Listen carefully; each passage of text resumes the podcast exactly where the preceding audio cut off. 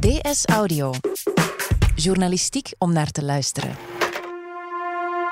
Koning Filip die een partijvoorzitter de hand schudt en die dan meeneemt in het Koninklijk Paleis. Het is een vast beeld in de federale regeringsvorming, die intussen alweer meer dan zes maanden aansleept. Maar wat gebeurt er na die handdrukken in het paleis? Het is vrijdag 13 december. Ik ben Lise Bonduel en van op de redactie van De Standaard is dit DS Audio.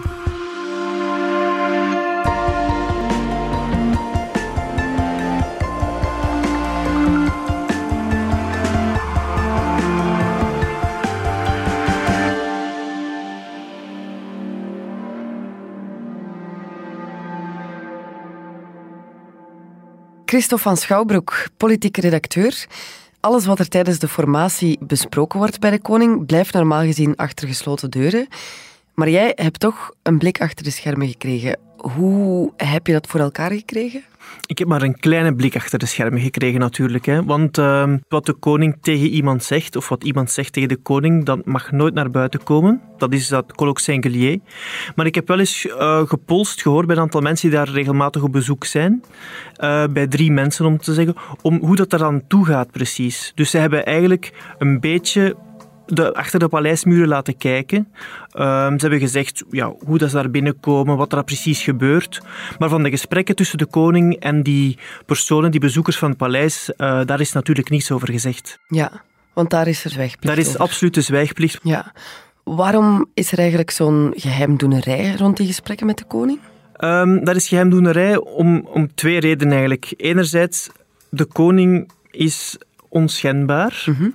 En um, alle daden die hij stelt, moeten eigenlijk gedekt zijn door politiek.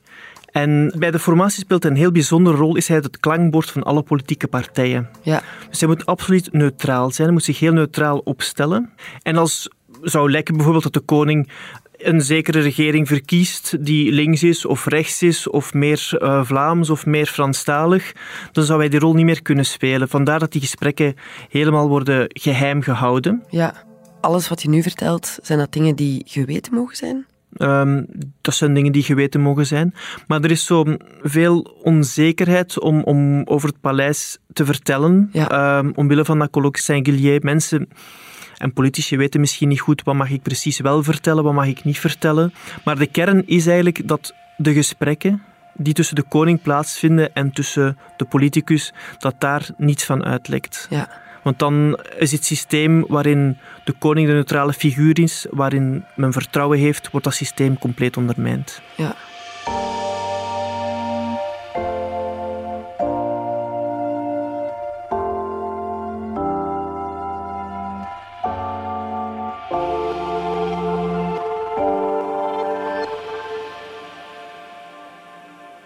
Jij hebt je artikel geschreven omdat het deze week weer een komen en gaan was van partijvoorzitters in het paleis.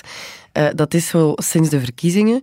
De koning voert gesprekken met verschillende partijvoorzitters en hij stelt formateurs aan en informateurs. Mm -hmm. Is daar eigenlijk een draaiboek voor dat de koning volgt? Nee, dat is geen echt draaiboek. Um, de koning ontmoet meestal de partijvoorzitters. Dat is onmiddellijk na de verkiezingen. En vaak als hij een volgende stap in het ganse formatieproces zet, uh, ontmoet hij ook nogal eens die voorzitters om te zien wat zij precies willen en wat niet. Ja. Maar een echt draaiboek is daar niet voor. Um, zij beslissen zelf wie ze zien, um, in welk tempo ze zien, hoe lang ze die bezoeken houden, ja. welke volgorde ze de verschillende voorzitters zien. Dus dat, is, dat ligt allemaal eigenlijk open. En dat is allemaal een beslissing van de koning zelf en van zijn entourage natuurlijk. Mm -hmm. En waar vinden die gesprekken plaats? Die gesprekken vinden plaats in het Koninklijk Paleis uh, in Brussel. Ja. En um, ja, je kent wellicht de beelden waar dan een partijvoorzitter toekomt, uh, even de koning de hand schudt. Ja. Uh, Paul Magnet heeft echt zelfs de koning even achteruitgetrokken een keer, omdat hij niet in beeld stond samen met de koning. Dus die beelden zien we dan en dan duiken ze alle twee het paleis binnen. En dan is het eigenlijk één groot donker gat wat daar precies gebeurt in dat paleis. En dat heb ik dus proberen een beetje te beschrijven aan de hand van die mensen die um, ja, een beetje inkijk heb ik gegeven van wat er dan precies gebeurt, hoe het eraan toe gaat uh, tijdens die gesprekken. En uh, wat gebeurt er dan precies nadat de hand is geschud? Nadat de hand is geschud, dan gaat de koning met zijn gesprekspartner het paleis binnen. Ja. En dan uh, gaat hij naar, het, naar zijn bureau. Dat is zijn officiële bureau of zijn protocolaire bureau.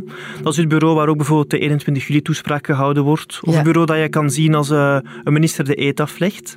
En um, naar mij is verteld, um, staat daar zijn bureau. Maar um, is er ook een, een, lage tafel, zeg men dan, waar dan vier lage zeteltjes rond staan. op die tafel staan allerlei attributen. Iemand zei mij, ja, er staat een belletje op de tafel. Ik vermoed dat dat dient om dan eventueel iemand bij zich te roepen zonder dat hij zijn stem moet verheffen. Ja. Uh, maar die persoon in kwestie heeft nooit dat belletje zien gebruiken. En dan zitten ze gewoon daar, dan krijgen ze een, een koffie of een thee aangeboden en dan kan het gesprek beginnen met de koning. Ja. En zijn er dan nog anderen bij aanwezig? In principe is er niemand aanwezig. Is dat enkel de koning Ja. en de gesprekspartner, dus in deze gevallen uh, meestal de partijvoorzitter. Mhm. Um, ja, niet iedereen doet op dezelfde manier. Philip heeft daarvoor gekozen om voor die formule te kiezen, omdat hij zo wil een sfeer creëren van echt vertrouwen, van wat hier besproken wordt is echt onder vier ogen en um, dat gaat niet uit deze kamer.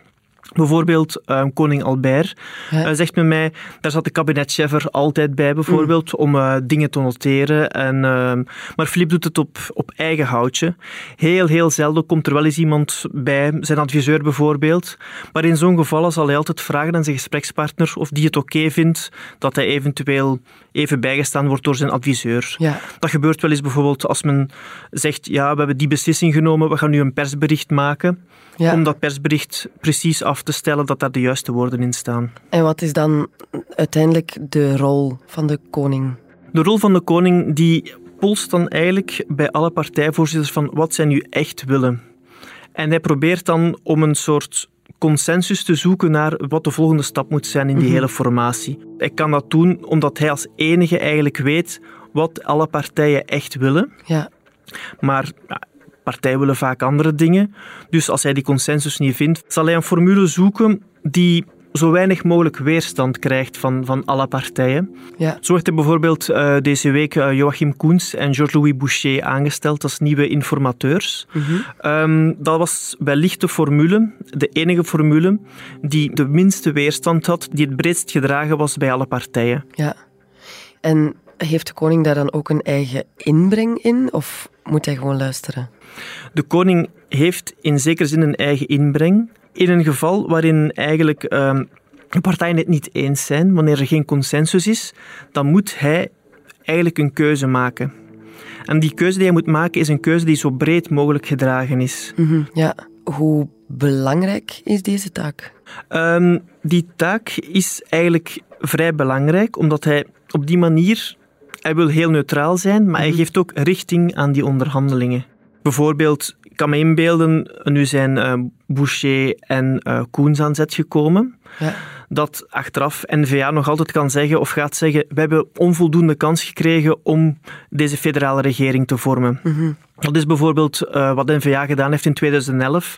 Toen hebben ze ook de koning verweten van we zijn onvoldoende aan bod kunnen komen om die regering te vormen. Dus Mhm. mm -hmm. wat hij doet, hij probeert zich heel neutraal op te stellen, maar kan ook altijd politiek geïnterpreteerd worden in een andere manier tegen de koning. Um, dus daarom manoeuvreert hij heel, heel voorzichtig. Bijvoorbeeld deze keer, uh, bij het begin van de formatie, dat was nog nooit gebeurd, ook Vlaams Belang uitgenodigd op het, op het paleis. Dat was echt een teken om te tonen, kijk, ik ben een neutrale koning. Ja. Veel Vlamingen hebben voor die partij gestemd. Ik zeg niet dat die partij goed of slecht is, maar ik nodig die uit samen met alle andere partijen. Ja.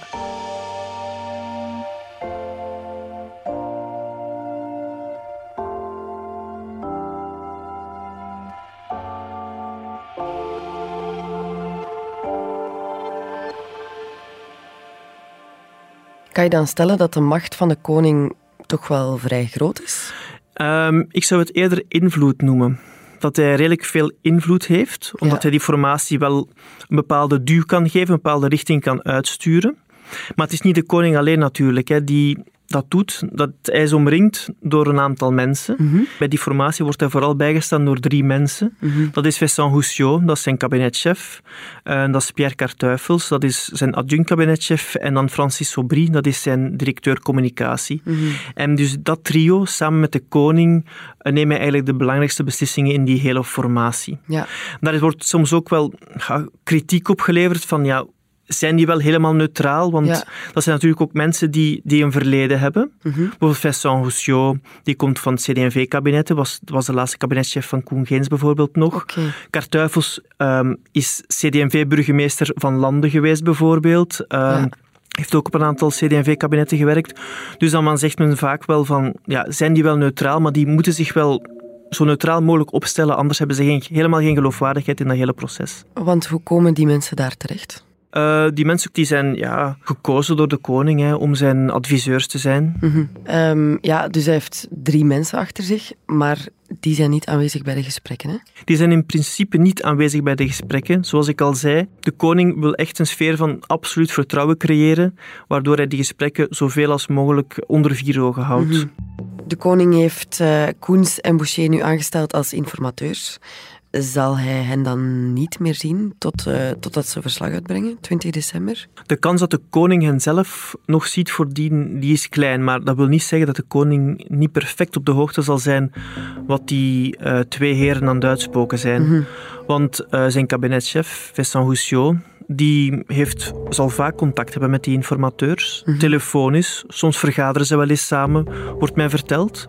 Een enkele keer gebeurt het zelfs dat de koning zelf eens belt om te horen eh, wat de stand van zaken is. Ja. Dus persoonlijk zal hij ze niet zien voor 20 december, maar hij zal perfect weten waar ze mee bezig zijn en ook waar ze staan Ja. op het moment dat zij terug bij hem verslag komen uitbrengen. ja.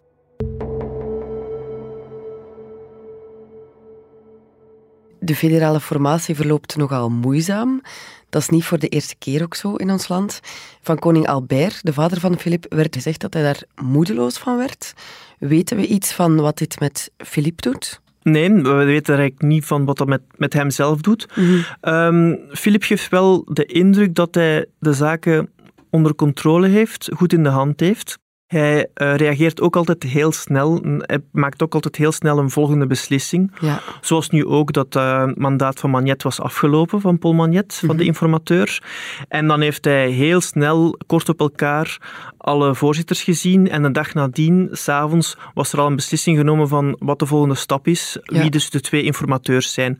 Op, op die manier ehm, houdt hij ook... ehm, gans die discussie van wie moet de regering vormen en niet, houdt hij die zich ook een beetje van, van hem af en houdt hij die binnen de politiek, wat ook een beetje zijn rol is en wat ook zijn neutraliteit ten goede komt. Als de koning heel lang dat dossier bij hem zou houden, heel lang zou discussiëren, dan wordt er al heel lang gedacht van oh, er is een grote crisis, wordt, wordt die sfeer gecreëerd en dat wil hij ook absoluut vermijden. Hij wil echt tonen van in die onderhandelingen zit vaart en dat moet vooruit gaan hier en we moeten snel een regering hebben. Weten we of Filip dit nu anders aanpakt dan zijn vader? Van zijn vader werd mij verteld dat hij in het begin, dat is koning Albert dan, dat hij in het begin zeer onzeker was. Dat hij eigenlijk, enfin, die koning wordt natuurlijk heel goed voorbereid voordat ze zo'n vergadering starten. Maar dat Albert heel mechanisch zijn vragen aflas, het antwoord aanhoorde en de volgende vraag stelde. Ja. Dat is nadien wel verbeterd. Ze zijn wel losser gekomen natuurlijk. En van Filip wordt gezegd dat hij wel met zijn gesprekspartners probeert toch om een, om een echte dialoog tot stand te brengen. Ja. Hij heeft natuurlijk ook vragen die hij moet stellen. Die zitten ook, dat is ook allemaal heel goed voorbereid. Maar wel, wordt wel gezegd, hij luistert, hij reageert enzovoort. Het is niet puur dat hij een bladje afleest of zo. Ja. Iemand zei, ja, Filip, ja, echt spiekbriefjes heeft hij niet nodig.